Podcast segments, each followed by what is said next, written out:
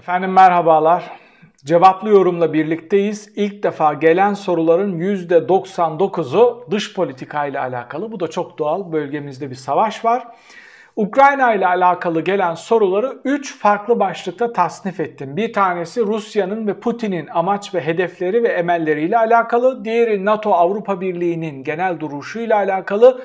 Üçüncüsü ise Erdoğan ve Türkiye'nin tercihleriyle alakalı muhtemelen Erdoğan ve Türkiye'nin tercihleriyle alakalı olan kısmını ayrı bir videoda size sunacağım.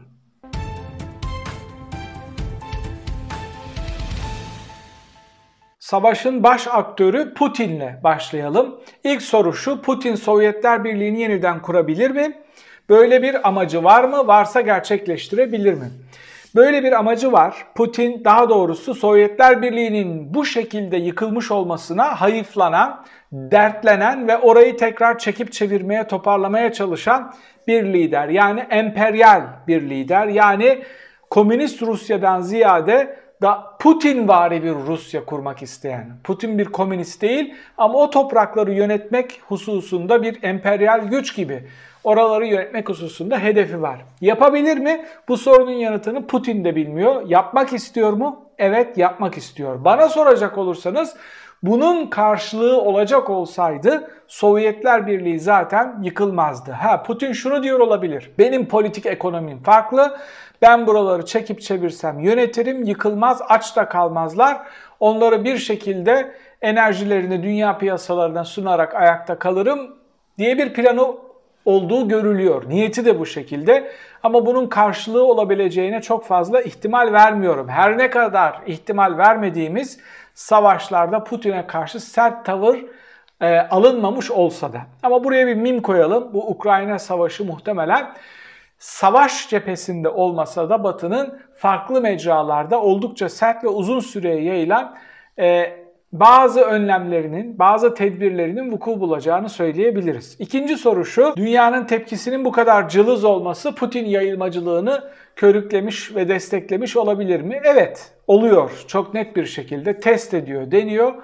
Acısı geçtikten sonra etkileri ekonomik işte o ambargoların vesairelerin sınırlı yaptırımların daha doğrusu etkileri geçtikten sonra bir başka savaşta yoluna devam ediyor. Putin'i çok fazla cesaretlendiren şeylerin başında işte enerji kartı geliyor, küresel sistemin dengeleri geliyor.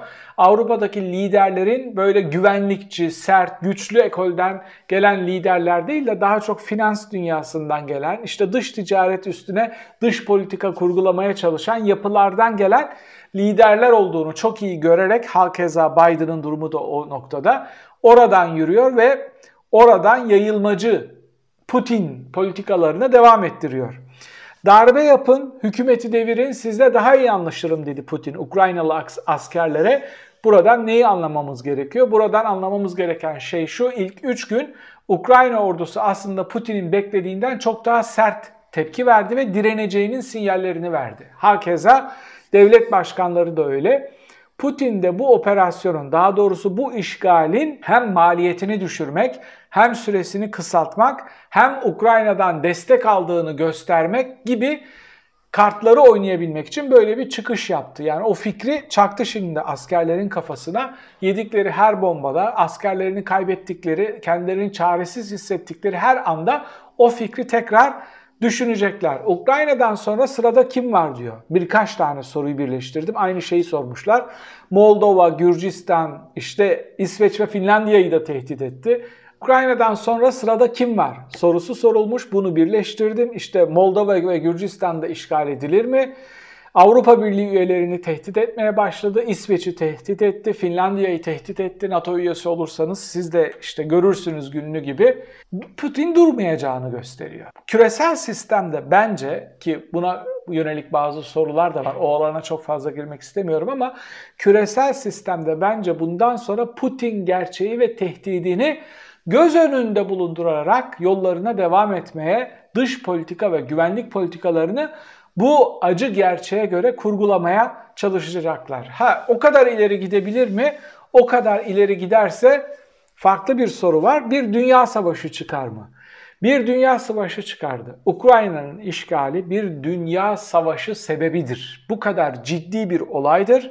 Bu kadar geçiştirilemeyecek kadar önemli bir hadisedir. Bir dünya savaşının çıkmayışının sebebi daha önce iki dünya savaşının çıkmış olması ve insanlığın yaşadığı büyük acılardır.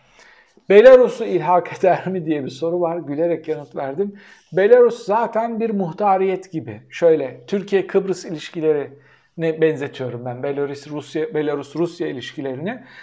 O kadar değil ama ona yakın derecede Rusya'ya bağlı bir e, cumhuriyet. İlhak edip etmeyeceği hususunu Ukrayna'da göstereceği, uluslararası sistemin vereceği tepkilere bakarak yanıtlayacağız. Bundan sonra bu tür hadiselerin bu kadar kolay olamayacağı öngörüsünde bulunabilirim ama Putin hepimizi yanıltıyor. Putin gibi saldırgan ülkelere karşı ekonomik yaptırımlar ne kadar etkili olabilir diye bir soru var. Zira Küba'ya da İran'a da ekonomik yaptırımlar uygulanıyor. Birine 60 sene, birine 40 senedir ama pek de bir şey olmuyor. İran konusunda birazcık farklı bir yere çekiyoruz İran'ı. İran'ın işte enerji rezervleri olduğu için bir şekilde onları nakite çevirebildiği için kısmen ekonomisini döndürebiliyor. Çok daha süper güç, lüks içinde yaşayabilecek bir ülke olacakken bu tür yaptırımlar altında aslında eziliyor. Ama rejime bir şey oluyor mu? Rejime hiçbir şey olmuyor. Küba'da da hiçbir şey olmuyor. Putin'e de hiçbir şey olmayacak. Şunu görüyoruz, uluslararası ilişkilerde soft power dediğimiz yaptırımlar, ambargolar, işte izolasyonları sistemler üstünde radikal bir şekilde etkisi olmadığını ve despotları caydırmadığını görüyoruz. Onun için işte Halepçe'de Kürtleri gazla öldüren, Kuveyt'e saldıran, yerinde durmayan Saddam'a karşı operasyon yapılmak zorunda kaldı. Ki bunu da yerden yere vuran izleyicilerimiz var. Ben de Irak'ın işgalini yerden yere vuranlardanım ama şöyle bir ama diyorum orada bir yanılgınız var. NATO 2. Körfez Savaşı'nda kabul etmemişti Bush'un söylemlerini. İkna olmadık dedi ve o operasyonu onaylamadı. Yani NATO'yu da yerden yere vururken aslında Wikipedia'ya bakıp oradaki bir bilgiyle bu bilgiler doğru mu diye çek edip eleştirebiliriz. Sizden gelen soruların bir farklı kategorisi de NATO ve Avrupa Birliği ile alakalı olanlar. Şimdi Putin ekseninden, onun yayılmacı politikalarından çıktık. Birazcık NATO ve Avrupa Birliği ekseninden Ukrayna işgaline bakacağız daha demokratik yönetimlerle yönetilebileceğini söylemiştiniz diyor bir videonuzda. Ukrayna Savaşı'ndan sonra şunu kastettim. Dünya demokratikleşecek demiyorum. Demokratlar daha sıkı bir şekilde kenetlenecek diyorum Ukrayna Savaşı'ndan sonra. Ona şunu ekliyorum. Türkiye'de demokratik seçimle iktidar değişimi olur. Yeni gelen aktörlerle çok üst perdeden ilk yaptıkları toplantıda olduğu gibi Avrupa Konseyi, Avrupa Birliği normlarına vurgu yapar dış politikalarını, hukuk, yargı sistemlerini, demokratik işte algılarını bu şekilde şekillendirirlerse Türkiye'nin kurulacak bu demokratik düzende saf tutabileceğini, oradan çok güçlü bir şekilde pay alabileceğini, rejimin de güçlenebilmesi için refahın artırılacağını öngörüyorum. Bundan başka bir çaresi olmadığını düşünüyorum Batı Paktı'nın. Yani Ukrayna Savaşı'ndan sonra Türkiye'de demokratik bir değişim olursa ekonomik refahın öngörülenden çok daha kısa bir sürede vuku bulacağını ve Türkiye ekonomisinin çok kısa bir sürede yüksek bir ivmeyle artıya geçeceğini, enflasyonun düşeceğini, istihdamın artacağını öngörüyorum. Güzel bir soru var. Çok iyi niyetli bir soru. Diyor ki NATO Rusya'ya üyelik teklif etse sorunlar tamamen çözülmüş olmaz mı? Olur.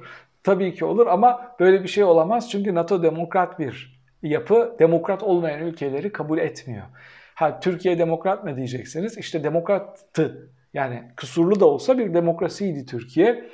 Ama NATO onun için işte Türkiye eşitler arasındaki bir eşit gibi bakmıyor. Rusya'nın NATO'ya üye olması için kapı açık ama önce demokratikleşmesi gerekiyor.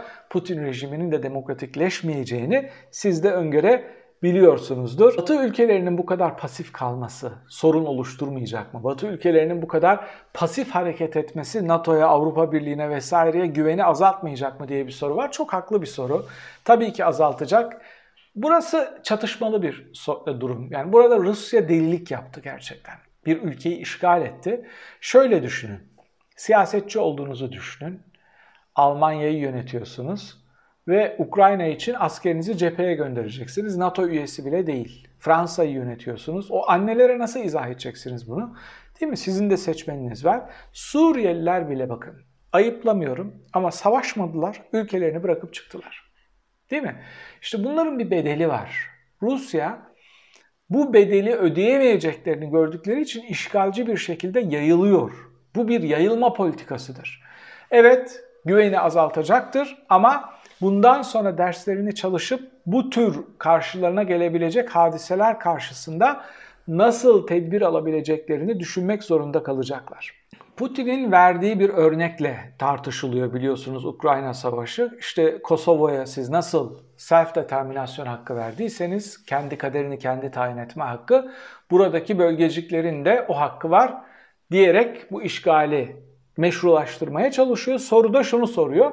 Kosova'ya bu hakkın verilmesi doğru ve yerinde miydi? Genel olarak baktığınızda uluslararası perspektiften geçmişe o yakın tarihe hiç bakmazsanız Kosova'nın self determinasyon hakkı almasını kısmen eleştirebilirsiniz. Ciddi bir şekilde de eleştirebilirsiniz. Sırpların Boşnaklara yaptığı acı bir katliam olduğu için Sırpların karnesi çok kötü olduğu için orada uluslararası sistem çok seri davrandı ve Kosova gibi aslında küresel sistemde bir devlet olma yetisi oldukça düşük olan bir topluluğa bir devlet kurma hakkı verdi.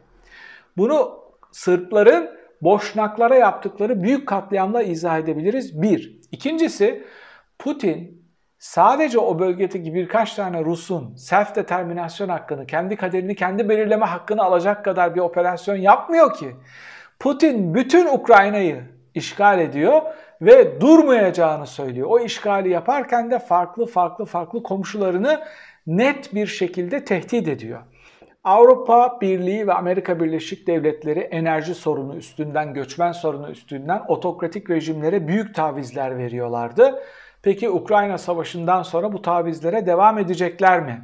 Çok güzel bir soru. İşte tam da benim altını çizdiğim Ukrayna'dan önce ve Ukrayna'dan sonra uluslararası ilişkiler diye bakacağız ve demokratik ülkeler saflarını sıklaştıracak diye baktığım nokta bu. Bence demokratik ülkeler daha fazla risk alıp daha fazla bedel ödeyip demokratik çerçeveyi genişletmeye çalışacaklar. Zira unuttukları bir ezberdi bu aslında. Kendi ezberleriydi.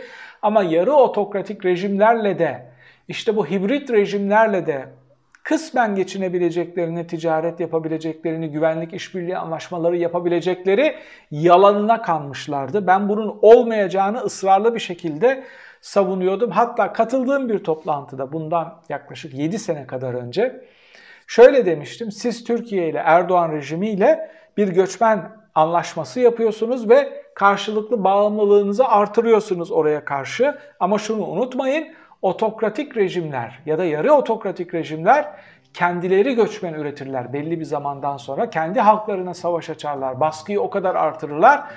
40 milyon Türk valizini toplayıp sınıra dayanıp buralara gelmek zorunda kalacağı gün ne yapacaksınız dediğim gerçeğiyle yüzleşmişlerdi ya da yüzleşmeye başlamışlardı. Onun için bu evreyi daha ince eleklerden geçireceklerini düşünüyorum. Yeni bir küresel sistem değil belki ama mevcut küresel sistemin revize edebileceği güvenlik politikalarının daha sıkı eleklerden geçirilerek yeniden yapılandırılacağı bir dönemle baş başa kalabileceğimizi düşünüyorum. Cevaplı yorumun ilk bölümünü bitirdik. İkinci bölümde Erdoğan'ın ve Türkiye'nin Ukrayna Savaşı ile alakalı tutumunu ve seçimle alakalı, parti ittifaklarıyla alakalı birkaç soru var. Onları yanıtlamaya çalışacağım. Sorum şu, yayılmacı Rusya politikalarını emperyalizme karşı kazanılmış bir zafer olarak mı yoksa demokrat cephenin kaybetmeye başladığı bir süreç olarak mı görüyorsunuz? Yorum köşesinde bunu tartışabiliriz. Bir sonraki cevaplı yorumda buluşmak üzere efendim.